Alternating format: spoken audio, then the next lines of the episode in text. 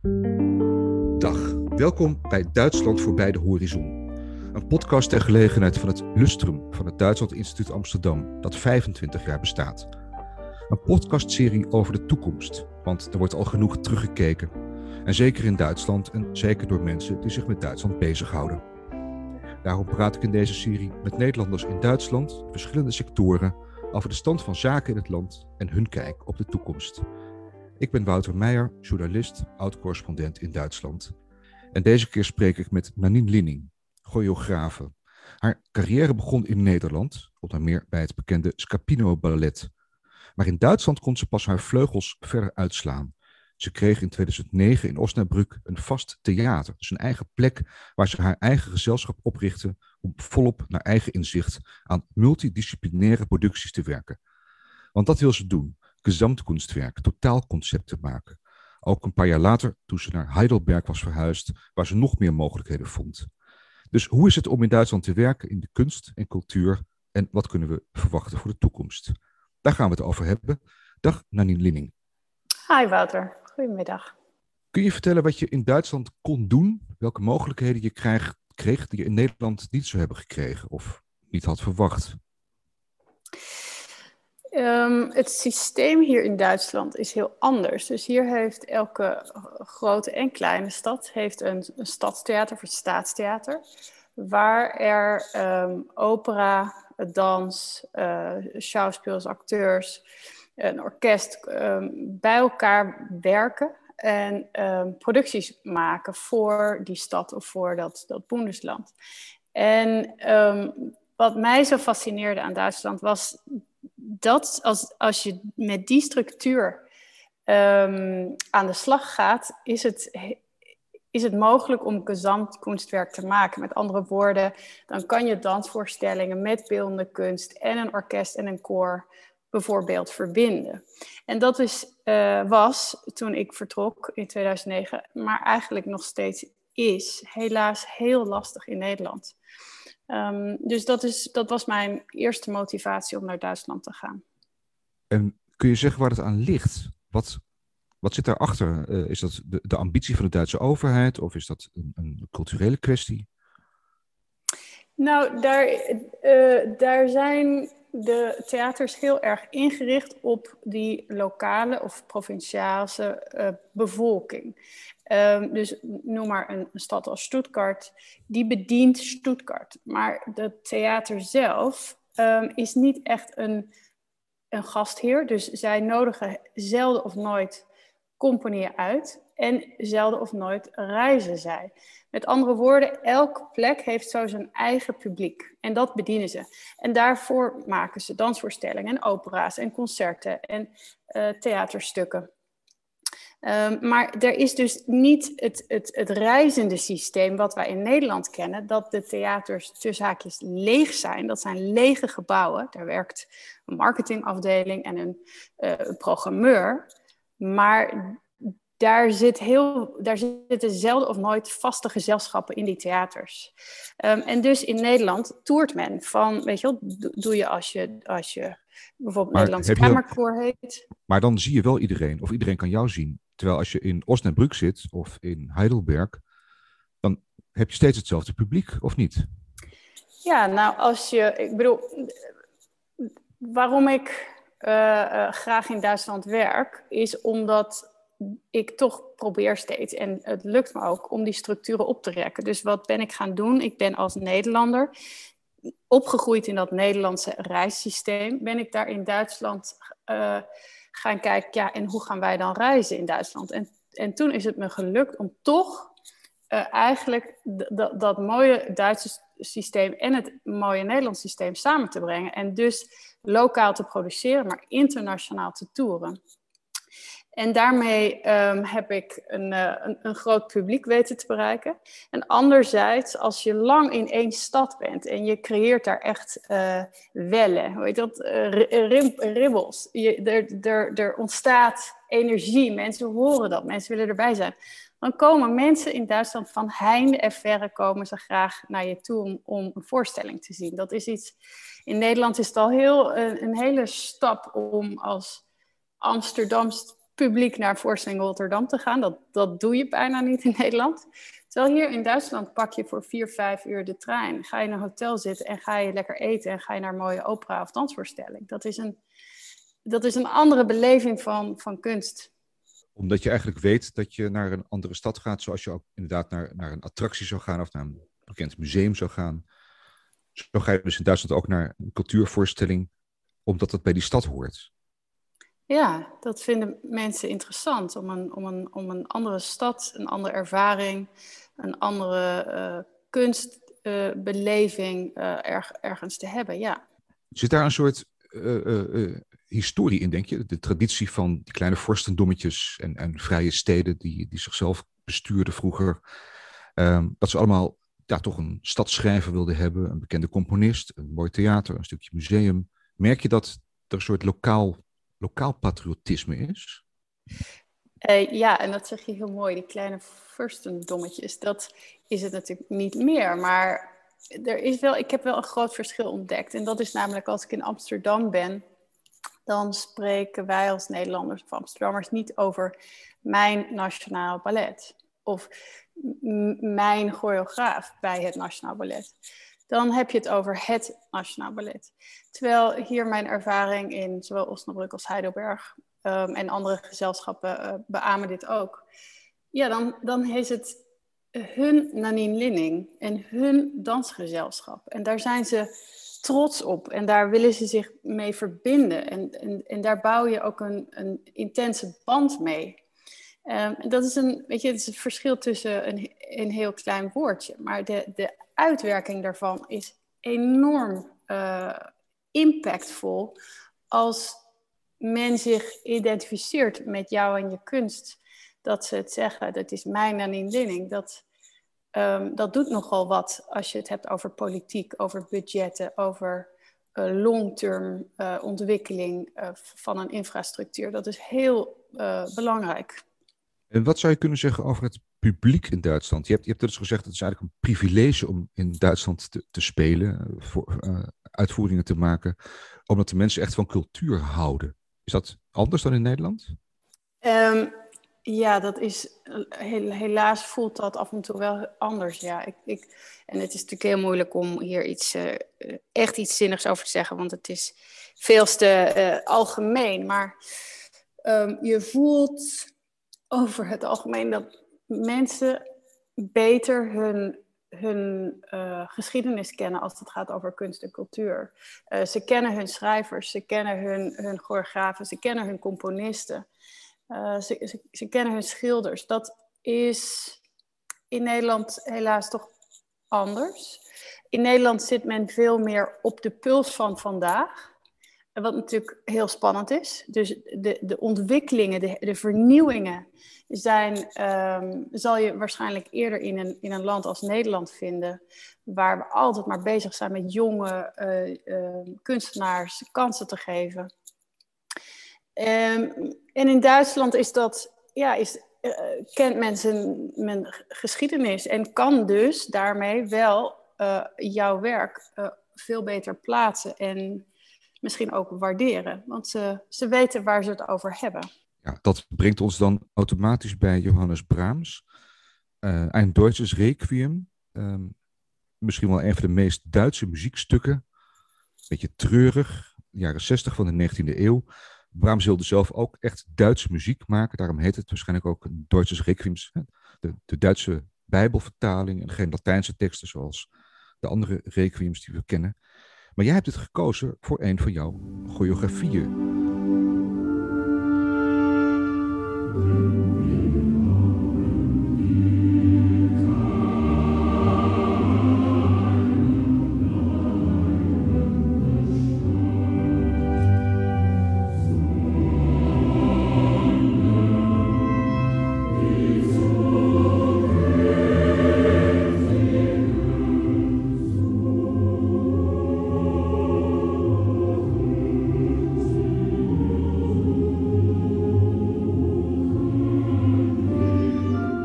Zo'n treurig Noord-Duits stuk daarvoor gekozen? Ehm, ik vind dat er ongelooflijk veel energie in zit. Dus ik ben het niet helemaal met je eens over treurig. Uh, het heeft natuurlijk wel een functie, namelijk het begeleiden van, um, van uh, de doden. En ik ben um, gevraagd door Theater Bielefeld, een heel uh, groot en, en erg fijn theater om te werken. Um, om een nieuwe voorstelling te maken, een avondvullend stuk. Waarbij ik als onderwerp eigenlijk um, de, de, uh, de eternal life.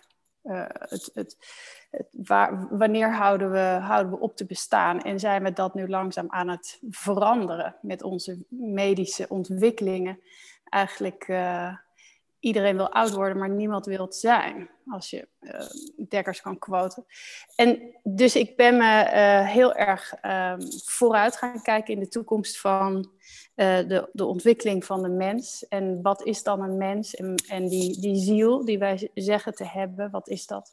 En tegelijkertijd ben ik heel erg terug gaan kijken van ja. Um, door alle geschiedenis heen is, zijn mensen altijd al bezig geweest met onsterfelijkheid en het um, het, het, het, ontdekken van de Philosopher's Stone. Um, dus, dus hoe creëer je het leven? Hoe behoud je leven? En daarbij heb ik het uh, Requiem van Brahms gekozen, omdat het um, voor het eerst eigenlijk een requiem is dat veel minder gaat over uh, religie en veel meer over het menselijke. En dat zie je ook in de, in de wetenschap. Dat eigenlijk zo in die, in in die renaissance en, en, en later steeds meer het religieuze, het goddelijke losgelaten werd. En er werd meer gefocust op het menselijke. Um, dus ik vond het een heel, uh, een heel mooi stuk om, uh, om te gebruiken. En hoe waren de reacties daarop? Be begrijpen mensen dat je zoiets nou, toch uh, nou, laten we zeggen dan traditioneel. Ik wilde ook dat ik er zoveel verdrietig van word, maar wel dat het iets is wat je niet meteen met moderne dans associeert. Um, begrepen mensen dat, dat je dat gebruikte, een, een stuk hele toch diep Duitse traditie, voor iets moderns als jouw palet en, en je gezamtkunstwerk? Nou, juist omdat het zo'n mooie tegenkleur is uh, tot mijn uh, extreem levendige en, en ja, warme danstaal. Um, en ik heb daarnaast uh, Janis Kyriakides uh, gevraagd. Een componist die al jaren in Nederland woont en werkt. Hij heeft um, voor het Nederlands Kamerkoor heeft hij Ein Schemen geschreven. Dat, heet, uh, dat, dat is een, eigenlijk een her, uh, bewerking van het Brahms Requiem. Dus hij gebruikt melodielijnen, um, hij gebruikt structuren, maar hij doet dat voor elektronica, voor koor en voor harp. En daar is het zo contemporain, zo extreem vandaag, wat hij, weet je, zo'n zo koor en een harp door die computer heen trekt en daar ja, dat helemaal morft en openbreekt vind ik een heel mooi contrast. Dus ik heb juist de, de, de oude Brahms en de nieuwe uh, Kyriakides bij elkaar gevoegd. Um, en we hebben een extreem uh, um, digitaal uh, toneelbeeld. En daarom is dat oude requiem van Brahms zo, zo tactiel en zo sensitief en, en zo menselijk, zo kwetsbaar. Als het omringd wordt door de digitale uh, klank en, en, en visuals. Je, je, je balanceert dus op, nou ja, een hele Duitse cultuur met, met, met muziek, maar ook met uh, traditie van, van regionale um, um, plaatsen waar, waar je mag spelen, waar je geld krijgt, waar je middelen krijgt. Tegelijkertijd ben je natuurlijk ook heel erg internationaal, want je speelt over de hele wereld, je gaat naar Amerika. Um, hoe, hoe voel je je eigenlijk in Duitsland? Ben je dan toch een soort buitenlander die af en toe langskomt? Of ben je wel gehecht, ben je geworteld in Duitsland? Ja, dat vind ik een mooie vraag. Ik ben, ik ben een heel geworteld persoon als, als mens. Dus um, waar mijn huis dan is, um, is, is waar, waar mensen zijn. En vooral waar mijn geluk is. En, en mijn geluk zit in, in liefde en in het creëren van, van kunst. En als ik die twee altijd bij me heb, dan gaat het eigenlijk heel erg goed met me. Ehm, maar ik vind het bijzonder om, om in Duitsland te werken. Ik heb niet zo'n woonervaring, want ik moet eerlijk toegeven dat ik altijd aan het werk ben. En ehm, daar, daar word ik gewoon heel gelukkig van dus het, het, het gewone dagelijks leven, daar, daar ben ik niet zo involved in. Ehm, maar dat zegt niet zoveel over Duitsland, want dat doe ik eigenlijk in Nederland ook niet. Ik, ik ben dagen en dagen en weken en weken en maanden en maanden gewoon altijd in het theater en in een musea, in een concertzaal en, en anders met, met vrienden of familie. Maar je ehm, werkt wel met Duitsers. Ja, ik werk zeker met... die je nodig hebt en de mensen van de marketing Ehm, maar ook de, de leidinggevende, mensen die ergens iets te vertellen hebben. Een, een, wat in Duitsland een intendant heet, of een cultureel leider. Mensen ja, in feite op, jouw niveau. Ehm, hoe ervaar je dat? Ja, heel prettig. Omdat, ehm, kijk, als kunstenaar, weet je, kan, kan, ik, kan ik heel veel chaos verdragen. En, en creëer ik ook chaos. Heb ik, heb ik dat nodig om uh, tot, tot een punt te komen. En Duitsers zijn daarentegen heel, heel gestructureerd over het algemeen en ehm, georganiseerd. Dat botst natuurlijk dus ook, omdat ik vind dat je allerlei regels mag oprekken. Want weet je wel, waarom is dat dan zo? Um, en kunnen we het niet anders doen? Nou, dat is niet altijd waar uh, de Duitse theaters op zitten te wachten. Dus ik vecht af en toe voor mijn kunst, omdat ik in een visie geloof en ik, ik geloof dat die visie is wat ik mijn publiek wil geven. Ehm, maar aan de andere kant, ja, omdat er zoveel regels zijn en structuren en middelen, ehm, kan je daar ook heel, heel veel mooie dingen maken. En, en is het dus echt de, uh, je moet een soort fijne neus ontwikkelen voor hoe je in zo'n systeem um, je, je, jezelf kan, kan optimaliseren en je, en je, je, je, je werk kan presenteren. En eigenlijk is het soms ook best wel eens lekker om een beetje een gestructureerde omgeving te hebben, kan ik me voorstellen. Als je zelf heel creatief bent, dat je een soort kaders hebt van de Duitse wetgeving, hun gewoontes, uh, alles wat je officieel moet regelen. Dat je tenminste ergens, ergens invalt.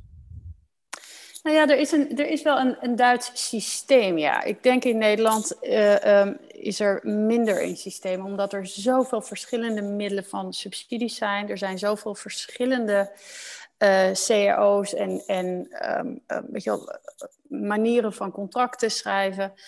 in, in Duitsland is, daar, weet je, is er zo, gewoon een bühneverein. Dus al die theaters in Duitsland zijn daarbij aangesloten. Nou, dan heb je dus al best wel een standaard. Dus als je, uh, weet je, je, je, moet gewoon één hele dikke pil kennen uit je hoofd als je artistiek directeur bent. Nou, dat, dat, dat ken ik. En dan kom je eigenlijk overal wel terecht. Dan is het allemaal niet zo verrassend. Maar ook wee, als er een komma in dat boek veranderd moet worden, dan heb je de pop aan het dansen. Dus daar botst mijn, mijn Nederlanderschap, denk ik, mijn vrijheid, mijn, ah, we gaan dat gewoon proberen en waarom niet? Uh, die energie, uh, dat is dan soms weer heel lastig. Ja, wat, wat mensen in het bedrijfsleven willen zeggen is dat Nederlanders heel vaak beginnen met een soort optimisme van we gaan het allemaal doen. We zijn heel fantastische plannen. En dan zien we wel waar het schip strandt. En dat Duitsers juist het omgekeerde eigenlijk doen. Vaak zeggen, nou dat weten we allemaal niet. En pas na een tijdje in het proces gaan inzien dat het best kan. Ja, nou en, en ik denk dat dat dat zo mooi is uh, uh, aan onze samenwerking, zeg maar. Dat ik in Duitsland werk, dat je de best of both worlds bij elkaar brengt. Want uiteindelijk, ze bellen mij voor een visie. En um, als zij die visie willen, dan moeten ze ook bereid zijn om, om daar dat te faciliteren. En tegelijkertijd, ik wil een visie laten zien of ontwikkelen, maar ik heb ook een structuur van basis nodig. Dus ik moet me ook aanpassen. Nou, dat is, is gewoon een, een hele positieve, uh, ja, een tango, laat ik het zo zeggen. Als we het dan hebben over de Duitsers en de Duitse overheid, um, dan kunnen we toch, eh, om eventjes toch terug te blikken, niet alleen naar de toekomst te kijken, Angela Merkel, die een jaar geleden, het is ongelooflijk dat er toen ook al corona was, aan het begin van die coronacrisis zei ze dat de overheid in Duitsland heel expliciet dus de taak heeft, opgave heeft om de culturele sector te steunen. Deutschland ist ein Land der Kultur und wir sind stolz auf unsere vielfältigen Angebote im ganzen Land, auf die Museen, die Theater, die Opernhäuser, die Literaturclubs und vieles andere mehr. Die kulturellen Angebote sagen etwas über uns aus, über unsere Identität. Die Pandemie, das Coronavirus, bedeuten nun einen tiefen Einschnitt in unser gemeinsames kulturelles Leben. Ganz besonders betroffen sind die vielen Künstlerinnen und Künstler, ganz besonders hier wieder die Freischaffenden. Die jetzige Zeit bedeutet Unsicherheit. Und deshalb ist die Bundesregierung zusammen mit den Ländern daran interessiert, dass unser kulturelles Leben auch in Zukunft eine Chance hat und dass Künstlerinnen und Künstlern Brücken gebaut werden. En als je dat nu terughoort, klopt dat? Vind je dat de Duitse overheid de kunst, de cultuur inderdaad voldoende heeft gesteund in de coronacrisis? Nou, ik ben wel onder de indruk, laat ik het zo zeggen. Ik weet niet of het voldoende is. Het, uh, het, het zal waarschijnlijk nooit voldoende zijn. Um, en, en ik denk dat pas over een paar jaar echt begrijpen wat er heeft plaatsgevonden en wat de schade is.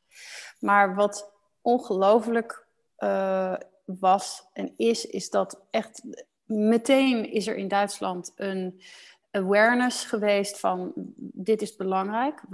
Kunst en cultuur hoort bij ons leven, ons dagelijks leven. En daar moeten we voor vechten, dat moeten we beschermen, dat moeten we uh, helpen te blijven bestaan. Um, en wat nog meer interessant is, is dat er na die eerste uh, um, jump om eigenlijk te gaan helpen met uh, ja, een aantal budgetten, zijn ze in Duitsland echt de budgetten gaan labelen om te zeggen tegen kunstenaars: hier, je kan hier geld aanvragen als je een concept ontwikkelt die juist in deze tijd um, um, een, een publiek weten te bereiken. Dus ga iets doen waar je jezelf door kan ontwikkelen. Heb je dat zelf ook gedaan? Heb jij speciaal iets voor corona gemaakt, voor deze periode gemaakt? Ja, ik heb echt meteen de eerste week toen, toen ik zag dat, al mijn, dat ik al mijn dansers eigenlijk moest ontslaan. En dat mijn, mijn gezelschap uit elkaar viel. En dat ik al mijn tours naar Rusland en Frankrijk en Nederland en Duitsland en Spanje gewoon meteen moest cancelen. Um, ben ik gaan nadenken van hoe kan ik mezelf dan presenteren? Hoe, hoe bereik ik dan een publiek? En um, wat zijn dan de projecten en de, de, vormen van samenwerken en de vormen van samen zijn met je publiek die nu relevant zijn? En ook zijn er, bijvoorbeeld heb ik um, voor het eerst na uh, jaren en jaren niet in Nederland hebben gewerkt, heb ik met uh, het Nederlands Kamerkoor ik een hele bijzondere productie gecreëerd met zangers die in, in buizen staan en daarom um, dus toch in die tijden van corona konden spelen. Nou ja, zulke um, ideeën, dat zijn dan ideeën die, die, waar je voor getriggerd wordt. En de Duitse overheid heeft ook gezegd, bedenk pro projecten die um, je misschien verder brengen straks als alles weer gaat draaien. Dan, dat je beter op je benen staat, dat je zelfstandiger bent. En um, dat, is, ja, dat vind ik heel fijn, dat mensen niet alleen maar pap en nat houden, maar dat ze je er ook op wijzen, want dat vind ik terecht. Wees weerbaarder, wees zelfstandiger, wees voorbereid, uh, uh, ontwikkel jezelf, doe je er een voordeel mee.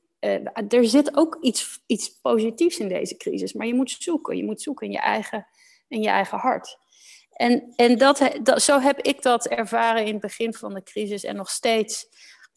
Als ik kijk naar al die uh, subsidiemogelijkheden, um, ben, ik, ben ik de Duitse overheid heel dankbaar. Um, en, en ik heb ook allerlei aanvragen ingediend die ik niet heb gehonoreerd gekregen. Maar ik voel me wel gezien als kunstenaar. En um, ik denk dat dat misschien wel de, de, de, de key is op dit moment. Dat de overheid je ziet ik bedoel, we hebben net in Nederland uh, minister De Jonge horen zeggen dat uh, uh, kunst niet essentieel is. En dat, dat je daar echt rustig zonder kan.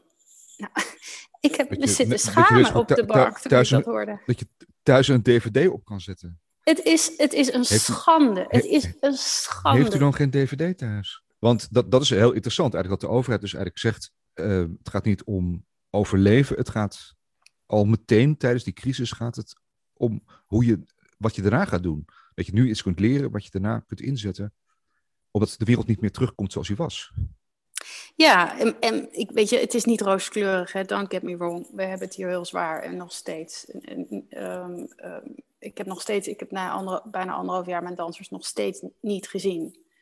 Um, dus het is niet uh, allemaal uh, koekenij. Maar de, energie, de mentaliteit heeft mij gemotiveerd en heeft mij gestimuleerd en heeft mij um, rechtop laten staan. Van yes, hell, ik, ga hier, ik kom hier doorheen. En misschien kom ik hier beter doorheen, omdat het weer een, uh, ja, een verrassing brengt waar ik normaal dan niet uh, uh, opgekomen was. En als je dan toch naar de toekomst kijkt, omdat je dat nu een beetje noodgedwongen natuurlijk hebt, moeten leren in deze crisis.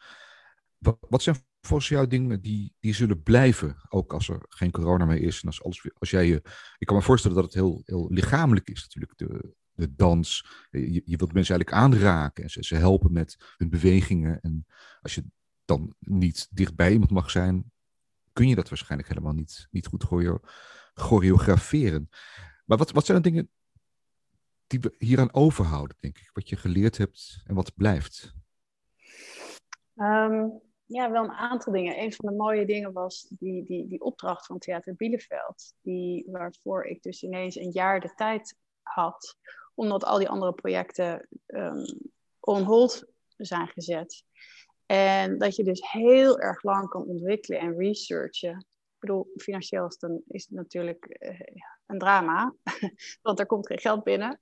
Maar ik heb wel de tijd genomen om dat te doen. En ik zie dat in wat ik nu heb gemaakt. We pas in oktober première, maar het stuk is nu wel al af. Dan denk ik, oké, dat, is, dat is wel heel bijzonder. Dat is, um, je, je ziet de, de, de tijd die daarin gegaan is. Um, ik geloof dat we ook wel, weet je, het digitale, de streams, zal misschien ook wel blijven. Maar ik heb de, de kans gekregen voor Boston Ballet om een film te maken. Dus echt een film, niet een, een verfilming van iets wat op toneel bestaat, maar echt een film die nooit op toneel uitgevoerd zou kunnen worden.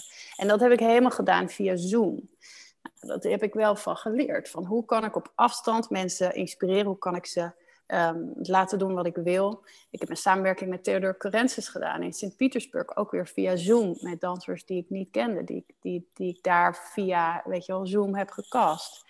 Dus ik, ik, ik zie wel de, de, een aantal extensies. Het, het is zeker nog steeds niet hetzelfde als er naartoe gaan en mensen fysiek inspireren. Um, dat is het zeker niet. Maar ik ben wel verbaasd hoeveel je eigenlijk kan doen op afstand zonder dat je elkaar ooit een hand geeft.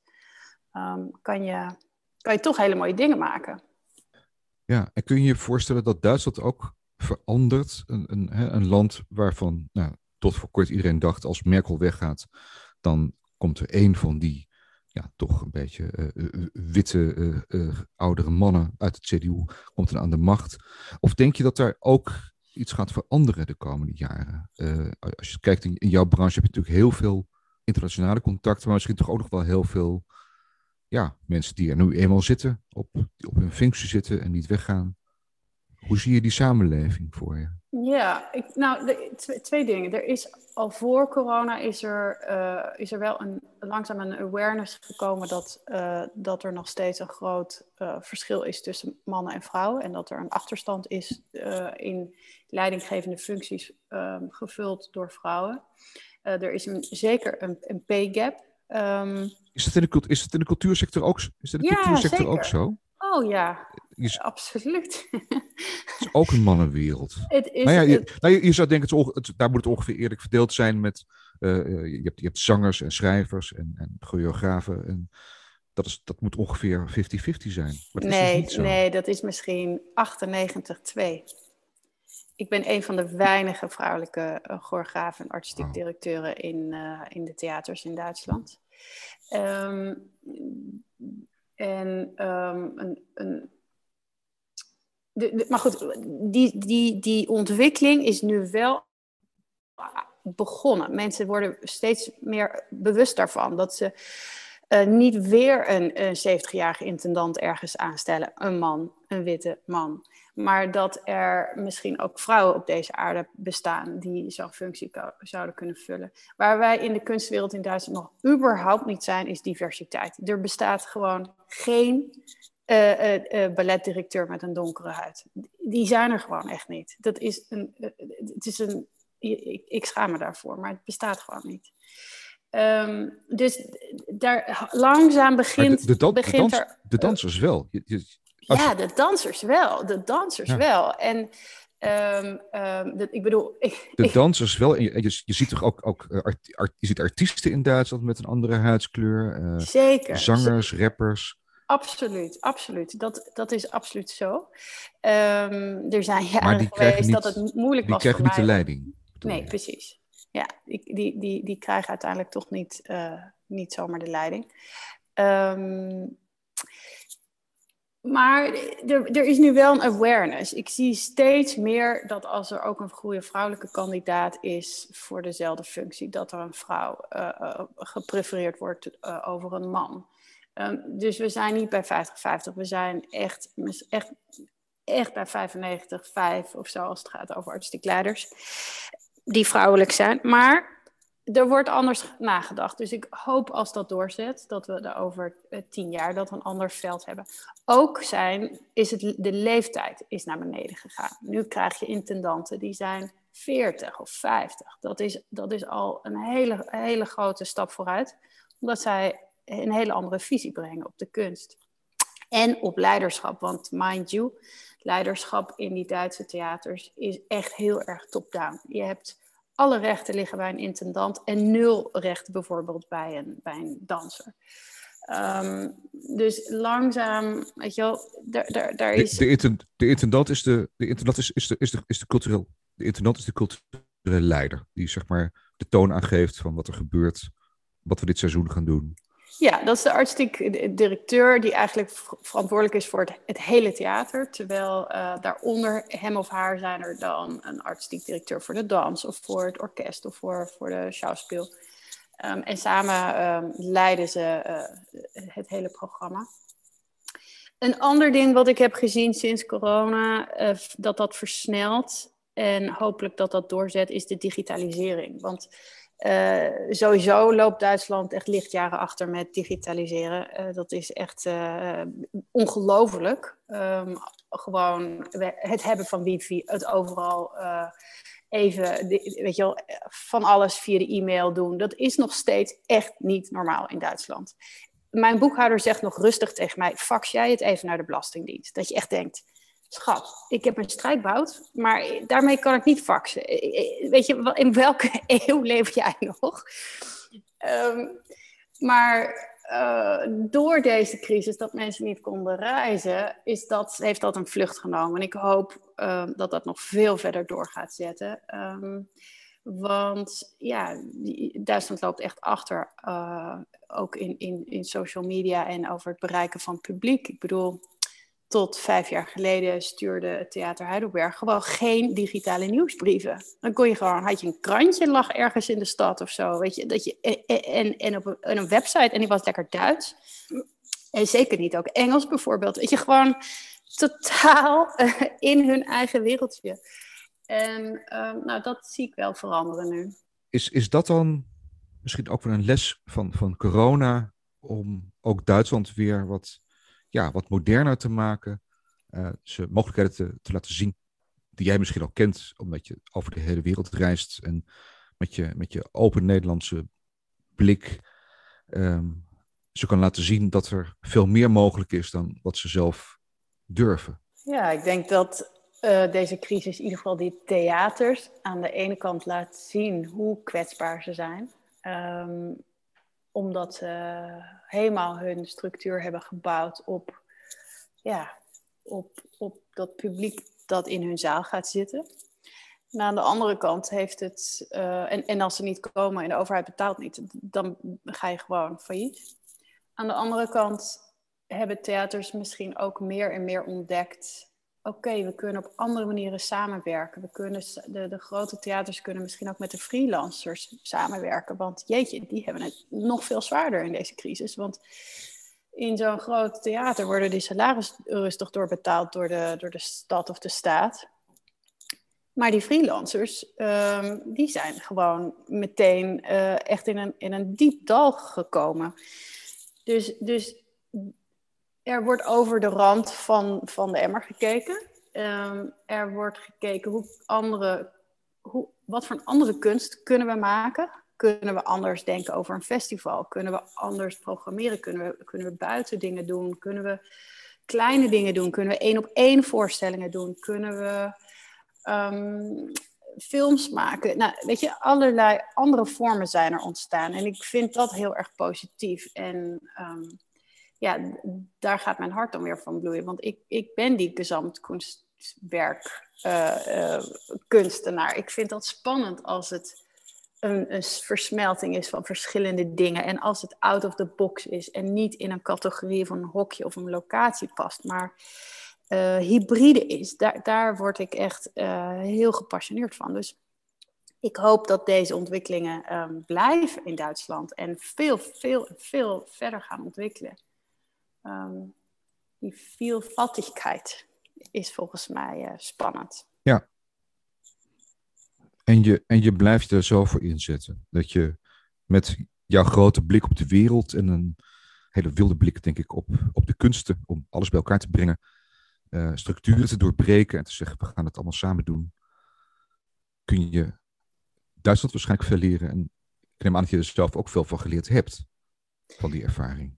Ja, ik leer ontzettend veel, want, want um, het, het, het is een machtig groot en, en, en rijk land um, waar er heel veel uh, kan. En als je met, uh, met mooie ideeën komt en je weet mensen te overtuigen, ja, dan is dit wel een paradijs, want er is al zo'n goede basis. En, um, en ik ben natuurlijk heel brutaal geweest en ik heb al al mijn verschillende ervaringen bij elkaar gebracht. En wat ik in Nederland weet je wel, kon doen, heb ik toch wel ingebracht in Duitsland en andersom. En ik heb ja, door, door zo'n wereldse blik um, vang je mij eigenlijk nooit in een netje. Kom ik, kom ik er altijd doorheen. En ik denk dat dat mijn, um, mijn grote kracht is. Dat, um, dat inmiddels ook niemand meer verwacht dat Nanine in de, in de bestaande structuur het uh, maakt wat je verwacht. Je kan eigenlijk altijd het onverwachte verwachten van mij. Ja, en daarom is het ontzettend mooi dat Nanine in Duitsland werkt en dat wij eventjes met Nanine konden praten over werken als choreograaf in Duitsland. Dankjewel. Dankjewel, Wouter.